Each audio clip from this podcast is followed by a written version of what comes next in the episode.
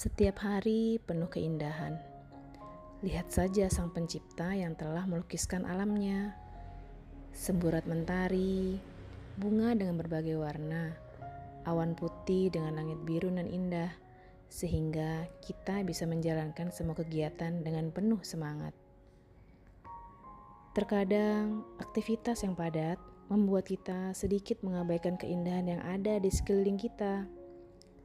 Cobalah berhenti sejenak. Nikmati waktu istirahatmu.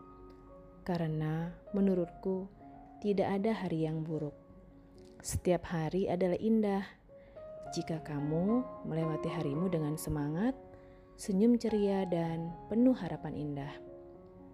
Oh iya, bagaimana dengan kalian? Sudah lakukan itu semua belum? Jadi, lupakan kesedihan, berpikir positif, Selalu bersyukur. Semoga hari-harimu selalu penuh keindahan dan kebahagiaan.